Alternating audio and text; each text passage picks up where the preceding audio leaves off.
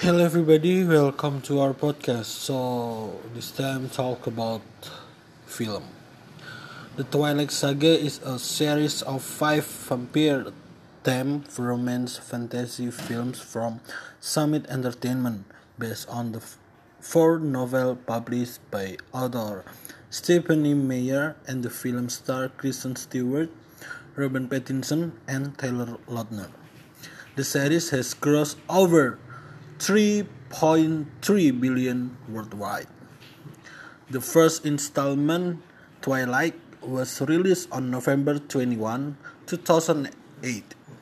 The second installment, New Moon, followed on November 20, 2009, breaking box office records as the biggest midnight screening and opening day in history. So, thank you so much.